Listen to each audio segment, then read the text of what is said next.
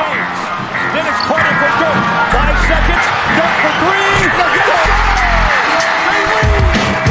Van a zaj, nincs egyszer a végén, ha battog a spalding Minden nap élmény, blokkok és zsákok Na gyere megmutatom, ez NBA szerelem Keleten, nyugaton, robban a zaj Nincs egyszer a végén, ha battog a spalding Minden nap élmény, blokkok és zsákok Na gyere megmutatom, ez NBA szerelem Keleten, nyugaton Éjjó! Szép napot kívánok mindenkinek! Ez itt a Rep City keleten-nyugaton podcast, én Rédai Gábor vagyok, és még mindig most is itt van velem Zukály Zoltán. Szia Zoli! Szia Gábor, sziasztok! Leesett a hó, gondolom nem hallottátok, még ma meg Facebookon se láttátok. Úgyhogy gondoltam, én is megosztom veletek az örömhírt. Hát bizony, ez nagyon jót tesz például annak, akinek nincsen téli gumia, úgyhogy velem ellentétben ezt minél hamarabb intézzétek el, hogyha esetleg autót vezettek. És ennyi, ennyi. Hát bizony, igen, most, most kicsit ilyen késő bánat, de nem baj, majd, majd pótoljuk. Amit még mindenképpen intézzetek el, hogy nézzetek körül a Rep City-nek a weboldalán, ugye azért itt elképesztő választék van, például kosaras cipőkből, de rengeteg kosaras cuccot találtok, és hogyha 5000 forint fölött vásároltok, akkor kaptok ajándékba egy Jordan zoknit, abban az esetben, hogyha a podcast promókódot beírjátok. És ezen kívül pedig a Pizza Cum Laude-t ajánlom. Szíves figyelmetekbe, ahol 10% kedvezményt kaptok, ha bemondjátok, hogy Gary Payton, keresétek meg őket Facebookon, tényleg érdemes elmenni, így tudunk mi titeket támogatni, ahogy pedig ti tudtok minket, az a patreon.com per keleten-nyugaton, nagyon sokan vagytok így is, akik akár egy fagyi, akár egy mozi egy árával havonta támogattok minket, és a podcast jelenét és jövőjét, amely podcast most éppen azzal fog foglalkozni, hogy kik a legnagyobb csalódások a szezonban számunkra, minden csapatnál egyet kiválasztottunk, mert egy csapat van, ahol én kettőt is, legalább említés szintjén, de az biztos, hogy ugye ezek kicsit ilyen személyes dolgok, mert nyilván a várakozásokhoz képest van csalódás is. Ettől függetlenül tényleg vannak komoly csalódásai ennek a szezonnak, és van egy-két olyan csapat, ahol gyakorlatilag nincs olyan ember, aki alulmúlta szerintem az elvárásainkat, de majd Zolinál is kiderül. Azért érdekes volt így végigmenni a csapatokon, nem Zoli, mert azért vannak fölülteljesítők is bőven, de sajnos alulteljesítők is akadnak. Így van, és én kicsit csaltam, megmondom őszintén. Volt egy-két franchise, ahol, ahol bizony nem játékost választottam ki, hanem, hanem a vezetőség egyik tagját, általában a GM-et, de egyébként egy esetben a tulajt. Egyrészt kíváncsi vagyok, hogy ez eszedbe jutott másrészt pedig arra is nagyon kíváncsi vagyok, hogy melyik az a csapat, ahonnan senkit nem választották ki, mert nekem egy ilyen csapat volt, és, és ez a Gárda a Pacific divízióban játszik. Kíváncsi vagyok, hogy nálad is. E. Ah, na majd elérjük odáig. Minden esetre kezdjünk most a Southeast Divisionben, tehát uh, divíziónként megyünk majd végig, és itt a Southeastben ugye a Miami Heat lesz az első csapatunk, amelyiknél természetesen a legnagyobb fölülteljesítő, ismét Edik Sportsra, de van azért alul teljesítő, Igaz, hogy eléggé furcsa lesz őt kritizálnom.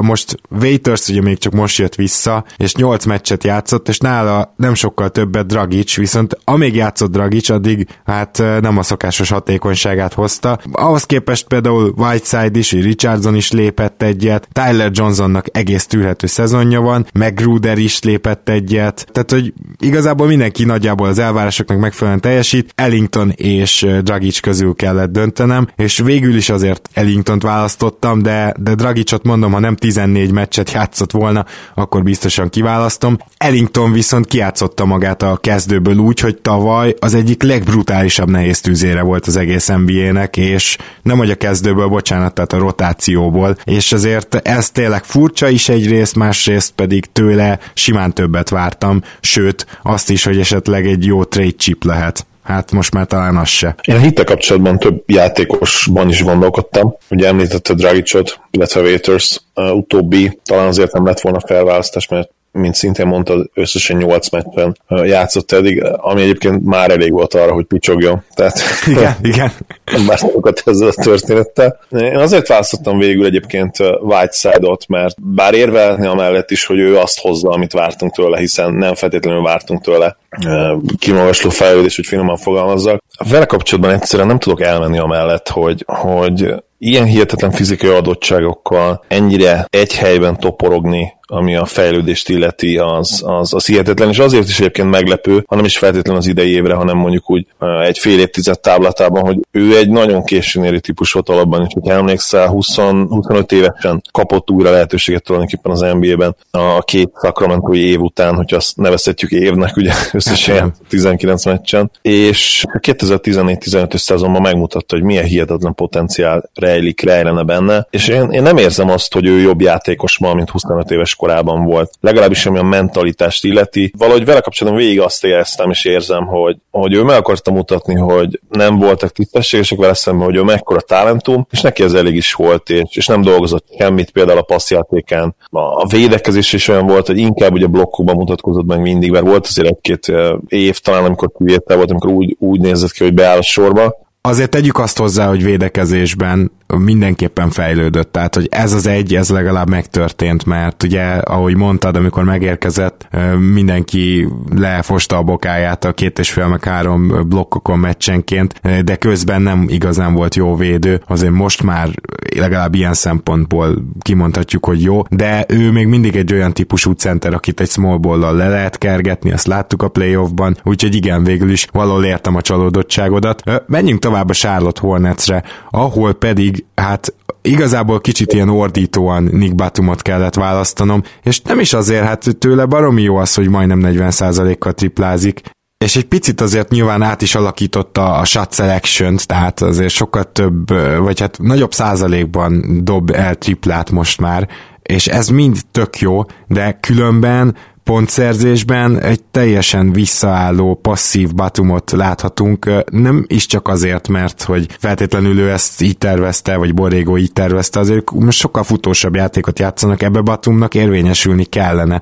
De ezen kívül még az asszisztátlaga is lent van, ugye azért ő az egyik legjobban pick and rollozó, meg passzoló wingjátékos az NBA-ben, vagy legalábbis a, nem is a top 5-ben van így benne, vagy top 10-ben, de rögtön ott van a második vonalban. Ehhez képest tőle a 3,4 négy assziszt szintén kevés. Öt lepattanó, persze, tehát hogy még mindig megvan az egy stíles átlaga. Azért ő egykoron olyan játékos volt, aki a 5x5-ra szinte minden évben esélyes volt, úgyhogy ezt ne felejtjük, de valahogy én úgy gondolom, hogy ez a szezon ezzel lett igazán rossz az a nagy szerződés. Tehát tavaly sem tűnt jónak, de idén már igazán rossznak tűnik, mert egyszerűen kevés az a 9 pont, amit betesz a közösbe, és ráadásul ő 30 percet játszik, aminél csak Kemba játszik többet, úgyhogy még azt se lehet mondani, hogy a szerepe csökkent. A usage százaléka valójában tényleg csökkent, viszont egyszerűen többet kellene vállalni egy olyan játékosnak, ráadásul még egyszer mondom, aki fel van hatalmazva arra, hogy pick and roll-t indítson. Abszolút jó választás, én azt gondolom, Bátum, viszont itt itt jön az én egyik meglepetés pikkem talán, és ez bizony a tulaj. Michael Jordan. Gondolkodtam a, a rosterán, hogy hogy kit kellene kiemelni, de, de azért döntöttem végül MJ mellett, nyilván ki fogjátok találni te valószínűleg már tudod is, Gábor, mert annyira konzisztensen tolja ezt a, ezt a semmilyen irányt, ezt a, ezt a legyünk középszerűek irányt, ha ezt lehet ugye iránynak nevezni egyáltalán, hogy tényleg erről beszélünk gyakorlatilag, hát majdnem tíz éve. Visszanéztem interjúkat vele ezzel kapcsolatban is. MJ már 13-ban, 2013-ban kijelentette, hogy, hogy egy félig meddig nem, nem mondta ki ezekkel a szavakkal egyértelműen, de ugye soha nem fog tankolni. Például akkor azt hozta fel példának, hogyha, hogyha ez eszébe jutott volna, akkor nem adott volna 13 milliót El Jeffersonnak, ami hát ugye egy szenzációs igazából így visszamenőleg is. És amióta MJ ott van, gyakorlatilag kijelenthetjük, hogy igazán elit draft prospektet nem tudtak kiválasztani. Ugye Kembát mondhatod, de őt is azt hiszem 10, 10 és 15 között választottak ki, talán jól emlékszem. Én valamiért úgy emlékszem, hogy a 8. vagy 9. választás volt. Hát, talán ilyesmi. Az is lehet, hogy 6, valahol ott. Lehet, hogy előre volt, igen. Viszont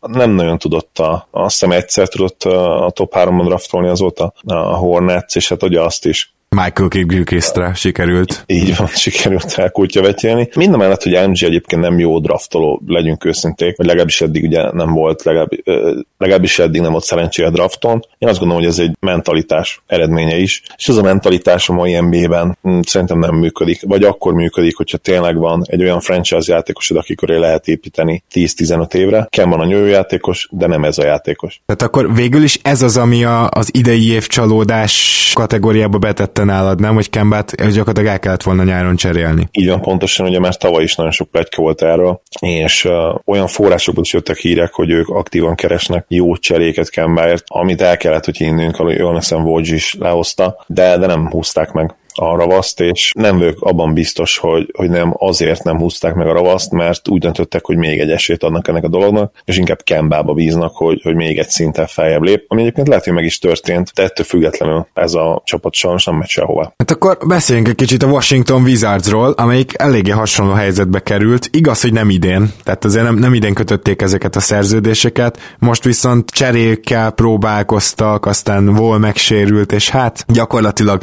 innen bekerülnek belemennek egy olyan mókus kerékbe, hogy se fel se le, ami nagyon kellemetlen. Itt ebben nem kon- konkrétan felmerült abból azokból kifolyólag, hogy még nem cserélték el se Portert, se Bilt, vagy valamelyiket, de legalább Portert, akit egyszerűen nem használnak, meg, meg a padról jön, el kéne cserélni. Szóval itt felmerült bennem, hogy a vezetőséget megemlítsem, de olyan, olyan szempontból nem lenne jogos, hogy azért a trade deadline-t meg kell várnunk, mielőtt ezt a kijelentést így megtesszük. Viszont azért van itt egy nagyon komoly alulteljesítőnk, Igazából egy picit volt is ide lehetne venni, csak egyrészt már megsérült, másrészt pedig uh, nála két meccsel többet játszott Markif Morris, és az ő szezonja, főleg azt nézve, hogy azért neki hamarosan majd pénzért kell kuncsorognia, hát nagyon-nagyon uh, problémás. Hát először is a 33%-os triplázás az nála volt már jobb, uh, 43,6% mezőnyből, ez, ennek csak az a szépség hibája, hogy Markif Morris kifejezetten inkább 4-es 5-ös játékos, azért az, az elmúlt években bebizonyosodott. Magas embertől, még egy, egy jump shooting magastól is kevésnek érzem ezt, és hát ugye a TS is gondolhatjátok, hogy megfelelően alacsonyan van mindemellé. Lepattanózásban is volt már sokkal jobb, még per 36-ra nézve is, egyébként csak 26 percet játszik, az alatt 5,1 lepattanót szed, és összességében rosszabb vele a pályán a Washington, majdnem 5 ponttal, és amikor Dwight Howard megsérült, még a Washingtonnak tulajdonképpen szerencse, hogy jött Bryant, mert Markif Morris még a sérüléséből visszatérve sem igazán tudott komoly perceket játszani centerben, ami az idei évnek szerintem az iránya lett volna. Szerintem ezt így tervezték, hogy azért a cserecenter, amikor Howard ül, akkor már kif lesz, és kicsit több small volt, kicsit modernebb kosárlabdát játszanak. Ennek az egyik nagy kerékkötője lett Morris, aki nem tud jó teljesítmény nyújtani idén. Nálam volna nem úszta meg a, a rostát. Szerintem ezt lehet, hogy picit túl gondolkodtad. Leg nagyobb letéteményese az idei, főleg a sérülés előtt gyenge teljesítménynek szerintem John Wall. Triplája gyakorlatilag 7%-ot nem is visszaesett, ugye ez már egy hatalmas zuhanás a tavalyi évhez képest. Rosszabb lett idén az assist to turnover eh, ratio is, és hogyha szemtesztre nézted a, a Wizardsot, akkor is azt kellett, hogy megállapítsd, hogy uh, Wall bizony, hát uh,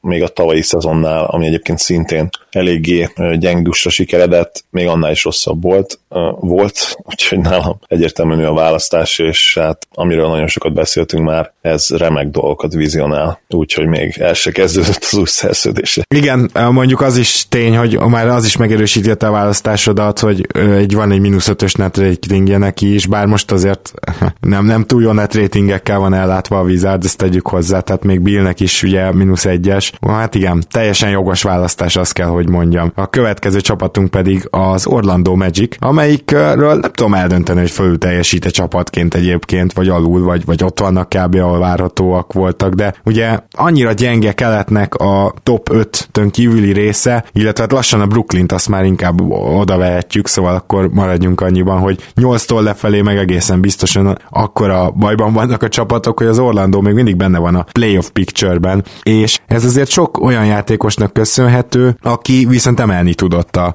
saját játékán, ugye Vucevic, de Gordon is egészen kiegyensúlyozott és jó. Viszont azért van itt valaki, akit, és tudom, hogy kicsit hát kicseszés ezt mondani egy rukira, de akit szerintem nem létezik, hogy nem magasabb elvárásokkal néztünk volna, ez pedig Mo. Lesz majd ruki vagy valamikor februárban, akkor is rá fogunk nézni, és remélem, hogy ennél pozitívabb dolgokat tudok beszámolni, de kezdjük ott, hogy ez a 48,2 százalék, amivel ő befejez, ez a field goal százaléka, ez még nem lenne annyira vészes. Mellette úgy volt, hogy ő esetleg tudhat triplázni, hát 1,6 kísérletből 29 százalék, szóval nagyon nem tud, de nagyon nem is dob rá, és mindemellé szörnyű büntetőző. Az egyetlen erőssége a játékának, hogyha per 36-ra nézed, akkor azért a blokkszám az, az rendben van. A lepattanó az jó, de nem elit. Összességében támadásban akkora mínusz ennek a csapatnak, hogy pályán tarthatatlan. Még a védekezése úgy, ahogy jó, ez, ez sem kiemelkedő, ugye azt vártuk, hogy ez lesz az úgynevezett calling card, vagyis ez az, amiről majd őt felismered, ez lesz az ő fő trükkje, hogy, hogy kiváló védő, azért ezt sem valósította meg, de hogy, hogy támadásban mennyire pályán tartatatlan, azt szerintem nem gondolta volna se ő, se a szurkolói a legrosszabb álmukba se. Móban báró mindent elmondtál, én is kiválasztottam őt, nagyon szépen összeszedted, nem is érdemes hozzátenni semmit, én azt gondolom. Viszont nálam Gordon nem húzta meg a, a kiválasztást, megmondom miért. A, a tavalyi szezon elején ő egészen hihetetlen formában kezdett, ha, ha nem csal az emlékezetem, nagyon sokáig 20-10 környéken volt, bedobta triplákat is, playmaking terén is, és olyan dolgokat mutatott, amiket addig nem. És bár idején a triplája kicsit fejlődött az előző szezonhoz képest, és több asszisztot hoz. Összességében, hogyha megnézed a per 36 statjait, hát azért nagyon hasonlóak. És számomra ez megmondom őszintén, hogy, hogy csalódás. Ő még mindig csak 23 éves, és, és hogyha azt feszegetnénk, hogy milyen magasan lehet neki a plafon, akkor azt gondolom, hogy még, még jelen pillanatban is a Magic talán legjobb ebből a szempontból. Isaac és Bamba előtt is talán. Ez csalódás nekem, hogy egyszerűen nem tudja abszolválni ezt az ugrást, amit várunk tőle. Gyakorlatilag most már szerintem két-három éve hihetetlen tehetség, de valahogy nem tudja összerakni összerakni a játékának az összes elemét, plusz, plusz mentálisan azokat a faktorokat, amik ahhoz kellenének, hogy meglegyen az a, az a konzisztens borderline all-star teljesítmény, ami szerintem egyébként meg lenne benne már idén akár. Hmm. Hát, nekem nem volt valószínűleg ekkora elvárásom vele szemben, de valahol jogos a csalódottságod. Egyébként csak az Orlandónál hagy jegyezzem meg, hogy még, még simons is, csak ő nem elég fontos tagja ennek a rotációnak, meg ennek a csapatnak, de hogy Simonsnak majd nézzetek rá a dobó százalékaira. Hát az, hát igen, igen, az ilyen egész a... liga legrosszabbja körülbelül. Igen, megkaptam a szerződésem, Itisze van, ő is abban attól szenved sajnos, ami ellen hát nem nagyon van orvosság az nba Igen. Az Atlanta Hawksnál elég gyanús, hogy ugyanazt a játékost választottuk, aki Turin Prince. Így van, abszolút. Nem volt kérdés a, a választás. Is olyan dolgokat csillogtatott meg tavaly, amelyek alapján arra gondoltunk, hogy idén már benne lehet akár egy ilyen, ilyen borderline all teljesítmény is. Nagyon messze volt tőle a sérülés előtt is. Nem tudom, hogy milyen okai vannak ennek, lehet, hogy picit talán túlértékeltük a talentumát, bár nem hiszem egyébként, mert tényleg minden megvan ahhoz, hogy mondjuk ilyen Jimmy Butler light, de tényleg light típusú Aha. játékos legyen. De tényleg mindenből. a legjobb szezonjában szupersztárnak gondoltuk, akkor szerintem Torian Prince-be benne lehetne az, hogy mondjuk ilyen borderline all 20 pont körüli teljesítmény, 5 assist, 37-38%-os triplázás, egészen jó playmaking, és egyébként ez, ez a játékos, akit így leírtunk, vagy, vagy ha elhiszik róla, hogy, hogy benne lehet ez a teljesítmény, nagyon-nagyon jó fit lenne. Én azt gondolom a Hawks fiataljai mellé, fiataljai mellé, hát ugye ő is elég fiatal még, igen, igen, igen. Évesen. Egyetértek veled, és abban is, hogy igenis rá is volt tőle többet várni, mert ő mindenből mutatott egy kicsit. Főleg az első másfél évben jól védekezett, aztán ugye tavaly elkezdett pick and hívni, passzolni, nem azt mondom, hogy ilyen elit szinten, de ha már szoba került Bátum, akkor, akkor valami hozzá hasonló történet lehetett volna ebből kicsit jobb triplázással, vagy az idei Bátum triplázással, hogy úgy mondjam, és nem ez lett, jelenleg Bembry ugye kiszorította a kezdőből, és ez kifejezetten azért van például, mert idén nagyon gyengén védekezik. Tehát azért Bembry nem egy olyan pont képes játékos, kicsit jobban szervez nála, de körülbelül ennyi lenne elvileg az előnye, viszont sokkal jobban védekezik, és ez, ez az, ami miatt gyakorlatilag Turing Prince-nek a padról kell jönnie, amit én nem gondoltam volna bevallok őszintén, mert ez, ez is ilyen szempontból már most visszaesés. Szóval abban reménykedek, hogy azért ő, lesz, ő lehet az egyik olyan játékos, aki a szezon második felében feljavul. Mindenképpen ott van a jelöltek között. Tavaly ugye majdnem 6 kísérlettel 38,5%-a triplázott, ez is visszaesett idén. Pedig, hogyha megnézted az újon szezonját, és ugye ahhoz képest, hogy a sophomore ében mit és hogyan teljesített, szerintem teljesen joggal várhattuk az ugrást mindenféle szempontból. Még azt se lett volna meglepő, hogyha 40% közeli triplázó lett volna, mert ő elit büntetődobó is, ami ugye mindig nagyon jó jár, tehát 84-85%-os Igen. büntetődobó, de valahogy még nem nem tudta összerakni a játékát. Ennek ellenére mindig nagyon fiatal, 24 éves, és ő ugye öreg ruki is volt, úgyhogy ez, ez csak a harmadik éve most kezdődött el, tehát nagyon fiatal NBA játékos még, a karrierje is nagyon a kezdeti stádiumában van, úgyhogy ő, ő abszolút azért még megteheti azt, ezt az ugrást, azokat az ugrásokat, amiket esetleg a, ma már említett idősebb játékosokból nem nézünk ki, nyilván egy Whiteside-ból már nem nagyon nézett ki ezt. Prince-nek abszolút van még esélye erre, és nagyon szimpatikus játékos, te is kedveled, én is kedvelem, úgyhogy nagyon remélem, hogy meg is fogja ezt tenni. És akkor menjünk át a nyugati régiónak a, a déli részére, vagyis a Southwestbe, Southwestbe, ahol a Houston Rockets az első csapatunk, és hát azt gondolom, hogy itt se lehet túl nagy kérdés azzal kapcsolatban, hogy Chris Paul annak ellenére, keveset játszott, azt, az nagy csalódással tölt el. Engem nagyobb csalódással, mint Eric Gordon teljesítménye, nyilván kettőjük közül kellett választani, de, de Paul az, aki egyelőre nem csak, hogy úgy tűnik, hogy visszaesik, hanem úgy tűnik, hogy így megöregedett. Reméljük, hogy nem erről van szó. Ugye nagyon sokan fogták a fejüket a, a nyári szerződés után, és nem azért, mert CP3 nem egy hatalmas zseni, és, és nincs ott a tíz legnagyobb impact bíró játékosok között, mert ott van. Valószínűleg még ma is ott van, de hogy tavaly ott volt az 1000 százalék. Ugye a play is egyébként elképesztő statokat hozott le. Igen. 23.6 lepottanó, 6 assist, 2 steal, és hát ugye írdatlan plusz-minuszokkal. Viszont tudtuk azt, hogy, hogy a, az egészsége az, az nem konzisztens, és hogy főleg nagyon sok playoff alatt is sérült, ugye, ami annak az eredménye, hogy hát egyszer nem bír megállni, és ő nem az a típus, aki vissza tudja fogni magát, ő egy, ő egy igazi harcos, és amikor pályán van, ő, ő mindent megtesz, tehát ő, ő egyszerűen nem tud lekapcsolni nem hogy kettő, de szerintem egy fokozatot sem. És hát ez így már, hogy eleve 30 fölött van, sőt, hát bőven 30 fölött van. Igen. 33 éves, ha jól tudom. E, és akkor most kezd el ketyegni ez a négy éves szerződést, hát e, nem lennénk optimisták. E, de valószínűleg egyébként a Rockets fanok sem optimisták, illetve az optimizmusuk az abból fakad, hogy, hogy azt remélik, hogy egy szezon valahogy összeálljon minden. És egyébként, hogyha, hogyha én is Houston Drucker lennék, valószínűleg ugyanebbe bíznék, hogy bár most ez az alapszakasz nyilvánvalóan már nem fog úgy sikerülni, mint a tavalyi. Talán nem, nem is annyira fontos ez a lényeg, hogy mindenki egészséges legyen a playoffra, és ez még megtörténhet. Úgyhogy a CP3 szezonját is nyilván ez fogja meghatározni, hogy mi történik majd a rájátszásban, de ahogy mondtad, ettől függetlenül az eddigi alapszakasz az nagyon nagy csalódás. A, a tripla százaléka nagyon nagyot duhant a tavalyi év óta, és úgy egyébként a, a mezőny százaléka is, tehát ha megnézed az effektív field goal százalékát, effektív mezőny százalékát, az 55 százalékon leesett 49-re, ami azt jelenti, és egyébként ha néztétek a meccséket, akkor ezt meg is tudjátok erősíteni, hogy bizony azok a hihetetlen money midrange dobások sem feltétlenül mennek be úgy, illetve azok a flóterek sem, amiben ő annyira zseniális, és ennek több oka is lehet. Én nagyon remélem, hogy, hogy, hogy az volt az ok, hogy nem volt teljesen egészséges talán még ebben a szezonban, és nem pedig az, hogy, hogy bizony tőle egy nagyon hirtelen öregedést látunk, mm, és egyébként az a büntető százalék is kicsit aggasztott, tehát tavaly 91 százalék után idején 81 százalék, tehát ott is zuhant 10 százalékot. Nem tudom, hogy hova tegyük ezt. Mondom, én remélem, hogy, hogy nem volt még teljesen egészséges, mert azért az optimizmusra adhatna okot a, a playoff előtt. Hát igen. A következő csapatunk, mert hogy hát itt mindenleg mindent elmondtál Chris Paulról, az a San Antonio Spurs, és na nálam ez volt az első olyan csapat, ahol nem választottam ki csalódást. Ugye egyetlen egy jelölt van, Paul Gasol, de hát ő már évek óta gyakorlatilag szoborként próbál érvényesülni az NBA-ben centerként, néha együtt játszik Aldridge-al, azért sose volt jó. Szóval, hogy egyszerűen annyi történt csak, hogy Paul Gasol megöregedett, ezt nem éreztem így csalódásnak.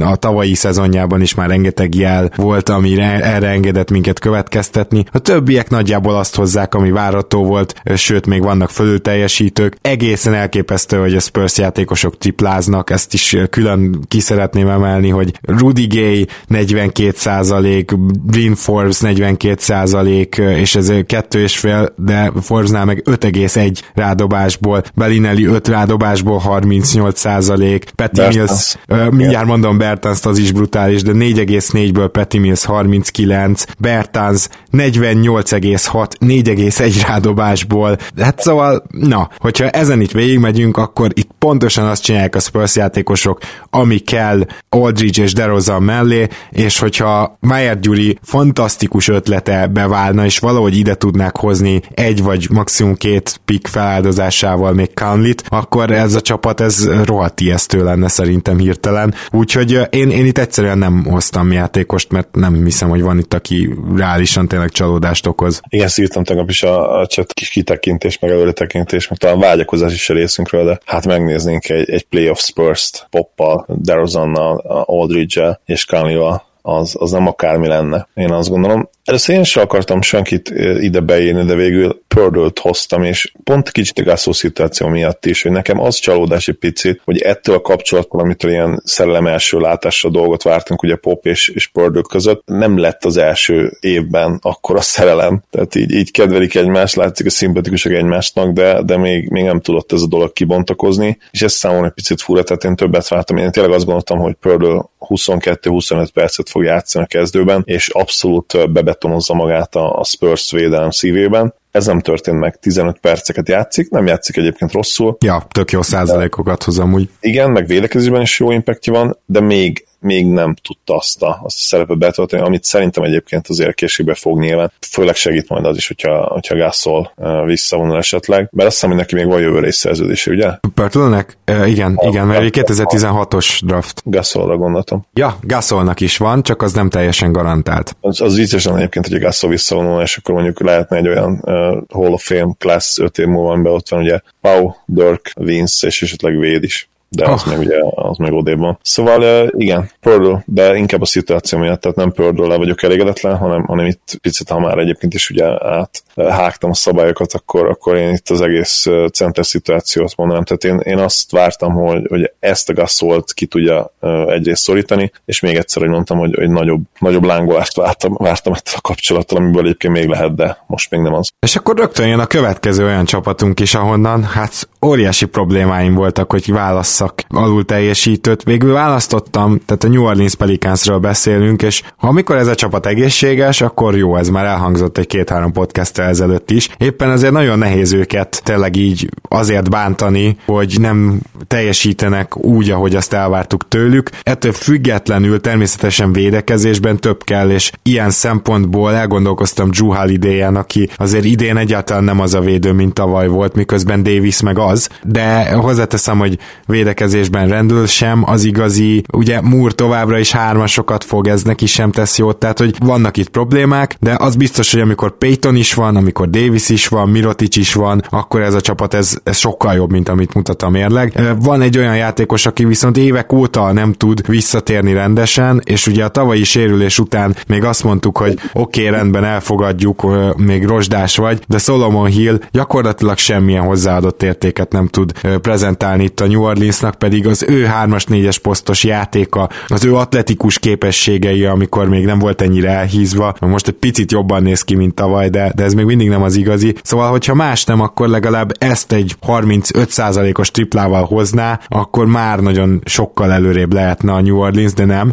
Szó sincs róla, 20 percet játszik, én szerintem kb. kényszerűségből szar a szerződése, és egyszerűen nem tudott fejlődni, nem tudta megmutatni, nem azt, hogy egyáltalán miért adtak neki annyi pénzt, hanem azt, hogy ő egyáltalán NBA rotációjátékos lenne egy olyan csapatban, amelyik nem küzdik ilyen mélységbeli problémákkal. Szóval Solomon Hill egyértelmű csalódás, mert azt vártam, hogy egy kis bounce, bounce back here jön, de, de nem jött. Igen, abszolút egyetértek vele, én is őt választottam ki. Sokszor beszéltünk már Hillről, és, és még azokról a Pacers párharcokról is, ahol, ahol neki időnként kijött a lépés, és 23-24 évesen azt gondoltad, hogy igen, ez, egy, ez, a, ez a srác egy, akár egy elite free and D játékos is lehet. A triplája mondjuk soha nem volt annyira konzisztens, de azért, azért 33-34 kal is dobott időnként. És hogy emlékszem, volt egy-két olyan playoff párharc is, ahol, ahol beestek neki a triplá, és mellette Igen. ilyen borderline elit védekezést hozott. Hát ehhez képest ugye az előző szezonban egy két pontos játékos, most egy 3,9-4 pontos játékos, és, és az, az igazság, hogy hogy védekezésben sem tudja azt a szintet hozni, amit, amit tőle elvárnánk, vagy elvárhattunk volna a karrieri korábbi részeiből kiindulva, úgyhogy teljesen megérdemelt a kiválasztás, én azt gondolom. Na akkor jöjjön az a csapat, a Dallas Mavericks, ahol, ahol nekem óriási csalódás az egyző. Nem Carlisle-t választottam, de nagyon problémásnak érzem azt, hogy ha egy tényleg bizonyítottan kifejezetten jó egyző, úgymond kicsit ilyen lustán áll a szezonhoz, és én ezt érzem Kárlánynál. Teljesen bele van kényelmesedve ebbe a szezonba, nem tesz erőfeszítéseket. Ő, ő mondjuk sosem, sosem az a típusú egyző volt, aki a fiatalokat jól felfejleszti, tehát nem erről volt híres, és mondjuk nem lehet ilyen szempontból neki könnyű ez a csapat most, de Doncsicsal kiválóan kijön, nyilván azért is, mert Doncsics készjátékosként érkezett meg az NBA-be, és kb. borderline all úgyhogy nem csodálom, hogy vele úgy el van. Dennis smith egyáltalán nincs így, és nem azt mondom, hogy Dennis Smith megérdemelni a sok-sok játék lehetőséget, valószínűleg inkább el kéne cserélni, de attól függetlenül is Carlisle, amit így dolgozott, csinált ebben az évben, az bőven alulmúlja azt, amit az előző években megszokhattunk tőle, és ez egy kicsit fájdalmas, de azért választottam játékost is, ha már, ha már alapvetően ez volt a célunk, és ez a játékos, aki hát egy ilyen kétes megítélésű játékos. Szerintem, ez DeAndre Jordan, azért, mert egyszerűen ennyire effort nélküli játékot, ennyire akarat nélküli játékot még tőle se vártam. Tudtam már tavaly a advanstatok és minden ordított, hogy rosszabb lett védekezésben, de ez, amit ő csinál, ez, ez mondjuk megtestesíti a Dallas idei idényét, hogy miért nem tud sikeres lenni ez a klub. Annyira tudtam, hogy, hogy Diandrét fogod kiválasztani. Én is gondolkodtam rajta egyébként, mert amit írta az abszolút helytálló, vagy, vagy maximum annyival egészíteném ki, hogy, hogy szelektáltan, nagyon-nagyon szelektáltan, és nagyon látványosan szelektáltan teszi bele az effortot bizonyos játékelemekbe az akarást. Az egyik ilyen nyilván a védő pattanózással, a fölúrik magasra, kiteszi a könyökét, időnként még hörög, vagy, vagy, vagy kiabál is dolgokat, hogy enyém, enyém, menjél, menjél. Minden védő pattanon ott van, mint egy, mint egy vércse, de igen, amikor egyéb játékelemre gondolunk például, amikor ki kellene lépni egy stretch 5-ra, ugye most ékes példája volt ennek a, a Bucks elleni meccs, ahol uh. az első negyedben Lopez uh, szétdobta őt gyakorlatilag. Hát konkrétan Antetokumpon jóval jobban védekezett, mint Lopezen. Igen. Így van, pontosan, ugye, mert, mert Jannis ment be a palánka alatt, nem feltétlenül kellett 3-4-5 lépés sem tenni, hanem, hanem ugye az egyébként hihetetlen jó fizikai adottságét használni, és úgy megpróbálni zavarni Jannis, ami többé-kevésbé sikerült egyébként annak ellenére, hogy a görögnek, mint mindig, vagy szinte mindig statisztikailag hihetetlenül jó meccse volt. Kellerre vissza csatolva még, nem tudom, hogy ilyen beleszarós történet ez nála elnézést a kifejezéssel, inkább arról van szó, szerintem, hogy ő egy végtelenül makacs edző, és tényleg az a My Way or the, or the Highway megtestesítője az NBA-ben. Uh-huh. Neki szerintem nem lehet megmondani igazából semmit, talán-talán Cuban és Doni tud ráhatni, de az biztos, hogy például a játékosokkal szemben ő az egyértelműen vez, egyértelmű vezér, az egyértelmű úr, és esetleg Dörk lehet kivétel ez alól, de, de még Lukas sem hihetetlen uh, NBA karrier kezdet ellenére sem, és hát ugye az, akit említettél, Dennis ő meg aztán végképp nem. És uh, én azért hoztam egyébként Dennis-t, mert bár a triplája például fejlődött idénre, annyira aggasztó jelek vannak vele kapcsolatban, és amikor nézed a játékát, akkor tényleg az az érzésed, hogy akkor van kb. esélye, amikor, amikor használja az isteni adottságait és a robbanékonyságát. Tehát az az egyetlen jó játék tőle, amikor gondolkodás nélkül izomból megindul a gyűrű felé, és, és a, vagy megpróbál befejezni, vagy, vagy abból kiosztja, vagy még egy olyan játék van, amiben, amiben idén egészen jó, amikor spot-up, teljesen üres spot-up, de minden más gyakorlatilag ilyen, ilyen adhok jellegű teljesen, és, és amikor nézed, nem érzed azt, hogy az egy, az egy high percentage játék. Mondjuk úgy, hogy nem tette meg azt a lépést, amit Fox megtett, vagy legalább annak a felét megtette volna a döntéshozásban. Igen, és ez kosárlabda IQ attól félek, és, és az adottság. Tehát amikor Fox vezeti a labdát, fél, akár félpályán, akár ugye egész pályás gyorsindításnál, gyorsindítás csak egész pályás lett, tehát gyorsindításnál, az az érzésed, hogy, hogy ő tényleg, ő egyszerűen tudja, mit csinál. Tehát a, na, ennyi igazából a, a, a lényege a történetnek. Fox tudja, mit csinál, Dennis nem tudja, mit csinál, illetve nincsenek meg eleve azok, a, azok az opciók a fejében, ami például egy Foxnak megvan, vagy amiből Doncsicsnak annyi van a fejében, amennyi csak lehet körülbelül a kosárlabdában. Sajnos ez nincs meg Dennisnek, és, és nem is lesz meg soha, tehát ez, ezt nem lehet tanulni, én azt gondolom. Hm. Jobbnak de, lehet azért tapasztalattal lenni benne, de igen, tehát ösztönből nem valószínű, hogy ez meg lesz. Igen, tehát a, inkább azt mondom, hogy a plafonja neki nagyon limitált emiatt, tehát ő biztos, hogy soha nem lesz championship kaliber első vagy második szám opció, ez, ez ezer százalék, ez kőbe lehet vésni. Nyilván, hogyha, hogyha továbbfejleszti a tripláját, hogyha továbbfejleszti a büntetőjét, akkor egy, egy nagyon jó scoring guard lehet, vagy egy, egy ilyen scoring punch, akár ugye a padról beállva, de, de nagyon limitált, nagyon limitált a, a plafon nála, én azt gondolom. Megyünk a Central Division-be keletre, ahol a Milwaukee Bucks az első csapatunk, és hát azt hiszem, hogy ez egy jogos ér érv lenne, hogy itt senkit nem választunk ki, mert mindenki jól vagy fölül teljesít. Middletonra lehet talán azt mondani, hogy még, még ennél egy fokkal többet várhattunk pontszerzésben, de hát mivel, hogy a Bucks egy tényleg by committee, tehát hogy mindenki dobálja a triplákat, és ugye Middleton a második számú szervező, talán ilyen szempontból még Bledsoe előtt is, ezért elmondhatjuk, hogy igazából azt hozza, amit a helyzetből ki lehet hozni. Én mégis hoztam egy játékos nektek Tom Maker-t, nem más egyszerűséggel azért, mert én sokkal többet vártam tőle. Én azt gondoltam az elmúlt két playoff teljesítménye alapján, hogy ez a játékos, hogyha egy picit beleszokik az NBA-be, magára szedne még egy pár kilót, ami egyébként hozzáteszem, hogy nem igazán történt meg, akkor azért egy nagyon komoly modern center lehet belőle, és ennek a nyomai sem látszanak. Cserecenterként is gyakorlatilag nem mindig tud pályára kerülni. A triplája, tehát tényleg ő eldob mindent, ami a kezébe kerül. Triplája 33%-os most, erőlteti, továbbra sem jó pattanózó, még mindig jó védő, tehát ő az lesz, de például mondjuk posztabb szituációkban nyilván betolja egy közepes wingjátékos is, úgyhogy attól félek, hogy, hogy lehet, hogy ezek a nagy remények, ezek nem voltak valósak vele szemben. Ez a szezon minden esetre ezt mutatja. Azt nem fog meglepni az, hogy amikor bevallom, hogy én is Makert hoztam, már csak azért sem, mert ugye, ha visszaemlékszel, a szezon elején is elég sokat beszélgettünk a Bucks szituációról, és én például azt mondtam, ami így utólag azért elég hát botorkás kijelentés, hogy, hogy neki kezdenie kéne, és hogy én attól féltem, hogy majd López lesz a kezdő, hát nem kellett volna félni ettől, mert hihetetlen jól meg, megtalálta ezt a, ezt a unitot. Igen, ahogy mondod.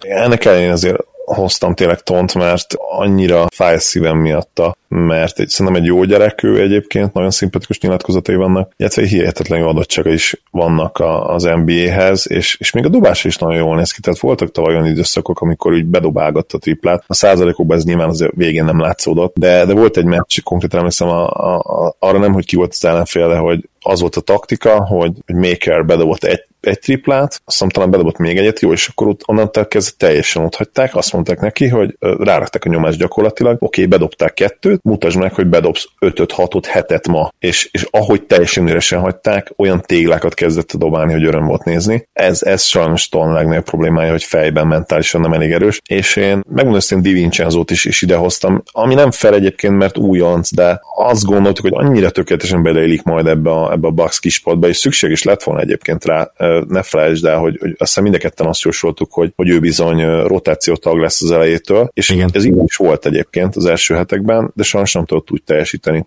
hogy, hogy bent is ragadhatott volna, és emiatt valószínűleg erre a szezonra már ő, ő nem is fog az aktív rotációba visszakerülni, vagy legalábbis a playoff rotációban biztosan nem lesz bent, ha csak nem lesz sérülés. Ugye én őket, őket hoztam, még kell nyilván a, a nagyobb szívfájdalom, mert azért ő már jó pár éve az NBA-ben van, és, és még egyszer mondom, nagyon jó gyerek, és, és nagyon jó fegyverei lennének egyébként a, a mai stretch 5 pozícióhoz. Hm, talán még nem késő neki, meglátjuk. Indiana Pacers, ahol két jelöltem is volt. Egyébként nagyon jó a Pacers, rengetegen fölül teljesítenek, még Oladiponak sincs olyan kiúró szezonja, ezért az se rossz nyilván, talán a tavaly kicsit nagyon magasra rúgta azt a lécet, de Darren Collison és Tyreek Evans egyértelműen nem teljesít úgy, mint ahogy lehetett tőlük várni, és azért választottam végül Collisont, mert Evans elkezdett kosárlabdázni az elmúlt egy hónapban, miközben Collison még nem. Na most azért gyorsan tegyük hozzá, hogy Collison ez azt jelenti, hogy így is 40%-kal triplázik, majdnem 80%-kal büntetőzik, és 45,8 a field goal százaléka, de a tavalyi számokat ez még mindig mélyen alulmúlja. Az 5,6 assziszt azt tetszik,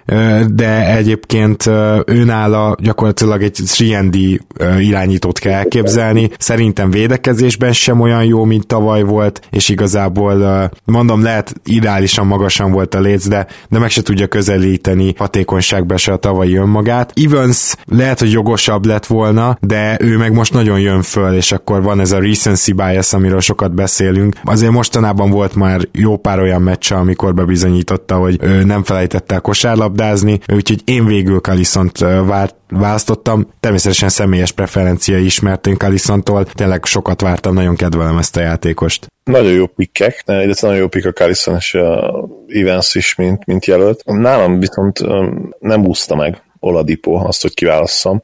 Kevesebbet játszik, mint tavaly, nem sokkal kevesebb, ennek kevesebbet, számomra már ez is fura, ugye 33 perc alatt tavaly 34 ellentétben És ami, ami sokkal fájóbb az az, hogy a tripla százaléka most már leesett azon szint alá, amire azt mondjuk, hogy hogy ott a határ, hogy, hogy dobáljad, dobáljad. Ugye 34%-kal dobál idén, a field goal százaléka is 47-ről esett 42-re, kevesebb stílt is hoz, és, és ugye hát ennek alapján és, és logikusan a, a pontszerző átlaga is, és leesett 23 pontról 19-re. Megmondom őszintén, én azt vártam, hogy Oladipo még egy úrást megtesz előre, vagy felfelé, és ez nem történt meg. Lehet, hogy ennek az oka az, hogy Mayer ahogy a Mayer Gyuri barátunk fejtegette az NBA sportévény csoportban, hogy hogy még nem sérül, hogy, majd úr, hogy sérült lehet, és, és tényleg, ahogy, ahogy ő is írta, ez lenne a jobbik verzió, mert a másik alternatíva az, hogy, hogy tavalyi lehetett talán Oladipónak a legjobb szezonja egy 26 évesen, ugye ekkor tehát szokták elkezdeni a peak teljesítményeket nyújtani a játékosok, és szerintem joggal gondoltuk azt, hogy benne lehet még egy-két fokozat, és ha ő most teljesen egészséges, az, az bizony erősen rányomná a bélyegét erre a erre jóslatra, hogy, hogy ő esetleg még az all státuszon túl is, is, is fejlődhet, és, és akár akár egy bajnoki címre ténylegesen esélyes csapat legjobb játékosa is lehet, ami mondom most, most nem tűnik nagyon valószínűnek, ellentétben a tavalyi szezonnal, uh-huh. amikor tényleg gyakorlatilag egy start láttál a pályán és most szerintem nem látod ezt a startup pályán. Hát annál a sérülésnél mindenfélét suttogtak, és semmit nem közölt az Indiána. Egy Igen, csomó ideig ugye day-to-day volt, miközben már akkor biztos tudhatták, hogy a következő majdnem egy hónapot kihagyja. Igen, és aztán volt egy olyan cikk is, hogy, hogy neki bizony akár season ending is lehet az a sérülés. Igen. Igen, úgyhogy mondjuk ilyen szempontból nem tudunk pontos diagnózist, és ez tényleg érdekessé teszi ezt a szezont. Detroit Pistons, ahol hát Luke Kennard eszembe jutott egyszerűen azért csak, mert többet vártunk tőle, szerintem mind a ketten erre az évre, főleg, hogy kiüresedett a kettes poszt Detroitban, de nem tudtam Reggie Jackson mellett elmenni, mert hát az, hogy Reggie Jackson most gyakorlatilag lejátsza az összes meccset, vagy hát, hát konkrétan a legtöbbet játszotta az egész csapatból mérkőzést. Ez alatt egy majdnem 30 percet pályán van, és hogy ennyire negatív hatással van a csapatra, védekezésben is, támadásban is, 33%-kal triplázik tőle, az még nem is vészes, de egyébként összességében a TS százalék, az effektív field goal, ezek mind bőven liga átlag alatt. Még a 86%-os büntetőzéssel sem menti meg, mert irányító létére mármint betörő irányító létére is csak ez milyen érdekes áthallás így. Természetesen a rendőrség nem fog eh, kijönni érte, de az a három büntető, amit elvállal, tehát annyiszor áll gyakorlatilag büntetővonalra, az, az megint csak kevés, és ennél azért többet vártam. Nem feltétlenül 14,1 pontjánál, bár mondjuk, ahogy elnézem a Detroiti keretet, de ott is, de, de hogy legalább egy picit emlékeztessen arra a közepes hatékonyságra, amit tudott, mert ez így nagyon gyenge. Én is gondolkodtam, hogy Jackson, de amikor megnéztem a statjét, akkor azt kellett látnom, hogy a, a csávó per 36-ra az elmúlt három szezonban tök ugyanazt hozza gyakorlatilag. A tripla százalék az ingadozott, de, de per 30-as statjai gyakorlatilag identikusak, és a hatékonysága is, tehát sőt, tavaly még ugye rosszabb hatékonyság volt 50%-os TS-sel, idén ez 52%-ra felment, úgyhogy emiatt nem tudtam őt kiválasztani. Abból szempontból azért mégis egyetértek, hogy, hogy a korábbi évek alapján, tehát mondjuk a, a 24-25 éves Reggie Jackson teljesítmény alapján, amikor ugye ő elkezdte a Detroiti kalandot, az alapján mindenképpen többet várhatunk, mert azok a szezonok egyértelműen jobbak voltak. Igen, és aztán hozzáteszem, hogy azért is van, hogy az idénre kiválasztottam, mert ugye tavaly a sérülése, és még a sérülésből való, való visszatérés, az még egy ilyen kifogás volt nálam, tudod, csak Igen. hogy idén már nincs ez a kifogás. Hát idén már nincs kifogás, és az igazság, hogy Jackson egyértelműen a, a Pistons legnagyobb kerékkötője jelen pillanatban. Ha, ha ezt, ezt a játékos keressük, akkor ott nyilván nem lehet vita, és, és azt gondolom, hogy, hogy a Pistons drukkerek is fájós szívvel belátnák ezt. Én Kenádot választottam ki, ugye mondtad, hogy te is elgondolkodtál rajta. Lottery pick volt 12. helyen kiválasztva, minden adott volt, hogy, hogy megtegye azt a nagy ugrást, amit vártunk tőle, ami, amire szerintem a tehetsége predestinálná és nem, semmi. Mm. Úgyhogy hatalmas csalódás sajnos. Biztos voltam benne, hogy te kiválasztod, már csak ezért is mentem át egy Jacksonra, mert tudom, hogy te még kifejezetten még többet vártál Kenártól, mint én, holott én is azért kedveltem ezt a játékost, kedvelem ezt a játékost, csak az a baj Kenárda, hogy egyelőre úgy tűnik, hogy nem tud konzisztensen segíteni támadásban a csapatának, nem rossz triplázó, de nem tűnik úgy, mint aki majd hat triplát dob rá meccsenként, és abból lesz 45 vagy 42, tehát nem tűnik egy JJ Reddicknek. Cserébe viszont védekezésben nyilván a fizikai korlátai miatt is azt mondom, hogy, hogy, hogy ott folyamatosan problémái lesznek karrierje során. Igen, a januárjától függetlenül azért ígéretes, azt ne vegyük el tőle. Hogyha a januárt kivetted volna, akkor, akkor tényleg így havonta egy-két jó meccsről beszélnénk. Most januárban annak ellenére, hogy, hogy még legalább egy hét, a, vagy kb. egy hét a vége, már azért beszéltünk kettő nagyon-nagyon jó meccsről, tehát egy 22 pontos és egy 19 pontos mérkőzés, ráadásul back-to-back, amire ő korábban soha nem volt képes. Úgyhogy én, én emiatt vagyok bizakodó. Még most a, a legutolsó Washington elleni gyötrelem ellenére is, ami, amit két napja összehozott, ugye. Ta, talán, talán végre valami megmozdult, és, és március-április, hát ha az övé lesz, nagyon nagy szükség lenne rá, hogyha a, a Pistons hát nyilván nem csak, hogy be, tud, be akar jutni a rájátszásban, azért nyilván bejuthatnak a, a rájátszásba, akár úgy is, hogy, hogy kellene nem feltétlenül javul fel, de ha, de ha bármi esélyt akarnak, akkor valakit egyszerűen találni kell Blaken, és igen, Blaken kívül, mert ugye Drummond a, a periméter játékos semmit nem tesz Igen. hozzá, tehát jelen pillanatban csak Blake, aki, aki gyakorlatilag periméterről beszélyes tud lenni ebben a csapatban. Hát meg Bullock azért ő megint hozza a tavaly látott jó triplázót. Nem, nem, nem olyan usage játékos, tehát igen, egy persze. Jó, jó játékos Bullock hozzáteszem, nagyon jó kiegészítő ember. Egy jó 3 wing gyakorlatilag. Így van, jó, jól is dob idén, de, de egyszerűen kell még valaki, mert így gyakorlatilag bármelyik uh, csapat olyan, olyan egyszerű védekezési sémákat kitalált erre a, a Pistonsra, hogy hihetetlen. Igen, abszolút. Uh, itt, itt gyakorlatilag Griffinnek a point forward uh, dolgait kell leginkább levédeni, aztán csókolom. Chicago Bulls, ahol, na ez a másik olyan gárda, ahol én nem tudtam uh, olyat mondani, akibe így nagyot csalódtam, szinte mindenki azt hozza, amit vártunk. Levine és Parker esetében ez szerintem eléggé transzparensen el is mondtuk már nyáron, hogy pontosan mit várunk, és majdnem betűre pontosan ugyanaz történik. És hát Chandler Hutchinson nagyon érdekes, hogy 31%-kal dob, és csak egyetlen egy triplát vállal a meccsenként, de én nem tudtam, hogy Hutchinsontól mit várhatok, úgyhogy nem is tudom rárakni erre a listára.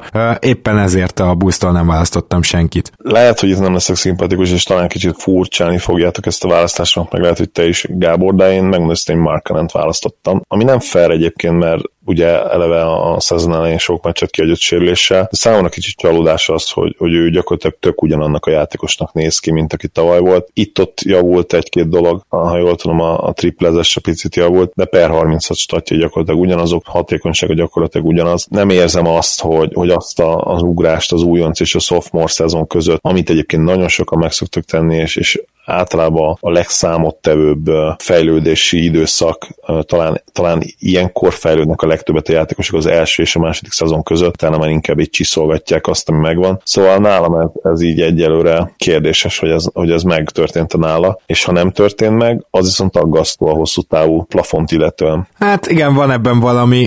Mondanám, hogy kicsit azért én hát kifogásként fel tudom hozni azt a sérülést. Persze mondhatjuk azt is, hogy John Collins is sérülés után jött vissza, és nézzük már meg, hogy mit csinál, tehát ahhoz képest nyilván, nyilván ez nem lenne kifogás, de már Cannon sérülése hosszabb volt, úgyhogy lehet, lehet valamennyire jogos, amit mondasz, de vele mindenképpen várnék, tehát itt a szezon ja. végéig muszáj ja. lesz várni jury is out, ahogy mondani szokták. Na és akkor a Cleveland Cavaliers lesz a mai utolsó csapatunk, mert hogy ugye az első 15-tel így végzünk, és akkor majd két nyugati és egy keleti divízió marad a következő adásra. És hát a Cleveland Cavaliersben nyilván önmagában a csapat ennyire gyengének egyikünk se várta. Tehát tudtuk, hogy gyengék lesznek, meg ugye még sok Cleveland Drucker mondta azt a szezon előtt, hogy azért így épp a playoff 8. helyévért harcba lehetnek. Talán még mi is mondtunk ilyet, de amikor azért elértünk oda, hogy jósolni kellett, akkor már ilyen 30 győzelem köré jósoltuk a Clevelandet. Teljesen esélytelen, hogy ez meglegyen nekik. Nyilván a lapsérülés azért ezt komolyan befolyásolta. Szóval ilyen szempontból valahogy a csapat egészében csalódás, de számomra ilyen ilyen kiemelkedő csalódás nem volt Clevelandben, mert hogy hát a játékosok nagyjából a képességeiknek megfelelően játszanak. Most J.R. Smith nem érdemes felhozni. Egyszerűen ővel kapcsolatban nem csalódás, hanem reális az, hogy, hogy nem kerül most pályára. Ő egy olyan veterán játékos, akinek a hozzáadott értéke tényleg csak a, a bajnoki címért küzdő csapatokban lehet, főleg a, a, az amúgy viselkedése miatt, amit nyilván Le, LeBron mellett le tudott korlátozni. Szóval, hogyha mindent egybeveszek, akkor uh, itt is egy, egy nagy semmi a, a, a tippem, de ettől függetlenül felírtam valakit, és ez az egy csapat, ahol vezetőségi tagot, mégpedig azt mondanám, hogy a GM-et és a tulajdonost együtt, akik örülök, hogy most tankolnak meg minden, de azért az, hogy ők lenyilatkozták a szezon elején, hogy mik az elvárások, az, az, az számomra egy ilyen teljesen lehetetlen helyzet, mert ugyanebben a szellemben hosszabbították meg Kevin Lavot is, és most már tökéletesen látjuk fél év után is, hogy nyilatkozni olyanokat, hogy playoffra megyünk is hülyeség volt, és Kevin Love meghosszabbítása, azzal még várnék, mert lehet, hogy el tudják cserélni, csak uh, most meg úgy tűnik, hogy nem, hiszen Love nem is tér vissza, sérült lesz még a trade deadline-ig. Szóval uh, nem tudom, ezek milyen döntések voltak, meg hogy mentek neki ennek az évnek, és szerintem őket titokban megmenti az, hogy ennyire rossz most a Cavs. Igen, egyetértek veled, nálam Csedi rákerült a listára, de, de igazából már akkor éreztem, hogy nem feltétlenül fair. Inkább őt is azért raktam rá a listára, mert annyira jó cikkeket olvastuk róla nyáron, meg, meg annyira jól játszott a válogatottban, hogy, hogy azt remélt az ember, hogy, hogy tényleg ő majd így kiteljesedhet, és így is indult egyébként a szezon, de hát azért csak kiderült, hogy, hogy ő még egy nagyon-nagyon rossz csapatban sem lehet második számú opció jelen pillanatban, sőt, hát ugye a szezon legelején inkább ilyen első számú opciót játszott, vagy lehet, hogy akkor még volt Love, és utána dőlt ki, de amikor volt egy ilyen időszak, a tisztán emlékszem, amikor nem volt már Love, és, és az ő kezében volt a legtöbb a labda gyakorlatilag. Sexton akkor, akkor még nem volt talán annyira jó. Úgy néz ki, hogy, hogy Chedi hát kiegészítően maradt. Nyilván így pár hónap után nem érdemes leírni az egész karriert előre, előre 23 évesen, de, de ez egy kicsit csalódás nekem, hogy, hogy nem tudott még jobban kiteljesedni, mert egyébként nem vagyok abban biztos, hogy, hogy benne nincs meg például ilyen, ilyen türkogló szintű tehetség, a, a ball handling, talán a dobás nem olyan jó, de a ball handling, playmaking, mozgás, atletikusság, szerintem minden egyébként úgy hasonló. Aha. Csak hát ugye Törkogló egy, egy hihetetlen profi volt, amikor még profi volt, ugye mielőtt megkapta a nagy szerződését, és Igen. átment ugye a, a bowl hídóba, meg a pizza hídóba. Hát az egy elképesztő párfordulás volt amúgy, mert ő, ő tényleg egy, egy, egy nagyon jó profi volt, és abból lett a legamatőrebb játékos az NBA-nek, aki aztán ráadásul megbukott doppinggal az NBA-ben, az, az is nagy Tényleg a veterán veteránja volt, ahogy az NBA-ben mondani szokták. Hát aztán ugye nem, nem tudta azt kihozni a karrieri második felében, ami, ami benne volt. Szerintem Csedibe benne lehet egyébként egy hasonló teljesítmény. Nyilván azért nehéz most vizionálni, mint egy bajnoki döntős csapat második legjobbját, vagy harmadik legjobbját, ami hídó volt, ugye ott talán vitatkozhatunk azon, hogy vagy ő, vagy Rashard Lewis volt a, a második legjobb abban az évben. De ezt azért nehéz vizionálni, de, de egy nagyon jó játékos lehet belőle. Viszont mondom, ez egy picit talán csalódás, hogy, hogy nem tud, nem tud konzisztent lenni egy egyébként ennyire rossz csapatban, ahol minden lehetőséget megkapott erre idén. Igen teljesen egyetértek. A másik 15 csapattal is hamarosan jövünk, viszont ehhez a 15 csapathoz nyugodtan szóljatok hozzá, hogyha valakit úgy gondoljátok, hogy nagyon kihagytunk, aki igenis csalódás lett volna, vagy hogyha valakit bemondtunk, de igenis meg akarnátok védeni, akkor tegyétek ezt meg. A Facebookon megtaláljátok majd ugye kirakva az NBA Sportévén csoportba is ezt a podcastet, és természetesen a saját keleten-nyugaton Facebook oldalunkon is, amit amúgy is érdemes nézni, csekkolni és követni minket. Zoli, nagyon szépen köszönöm, hogy itt voltál ma is. Én is köszönöm, hogy itt lettem. Szia Gábor, sziasztok! És nektek pedig természetesen a figyelmet köszönjük, és mondom, hamarosan jelentkezünk. Sziasztok!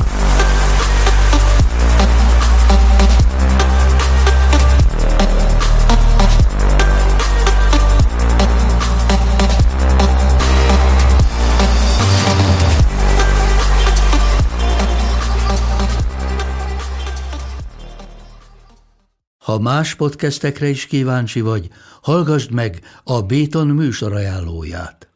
El tudod képzelni, hogy a podcastet, amit éppen most hallgattál, fél év múlva már a mesterséges intelligencia generálja? Mi sem. De ha érdekel, eljött már a gépek lázadása. Hallgass bele az Embertelen podcastbe. Orsós Lajos vagyok, a műsor házigazdája. Egyelőre még élőben. Egyelőre. Fedezzük fel együtt, hogyan ismerkedik, randizik, mesél és vitatkozik Betty és Péter, két teljesen mesterséges intelligencia. Lajos, a podcast címét mond még egyszer, Léci. Oké. Okay. Embertelen podcast.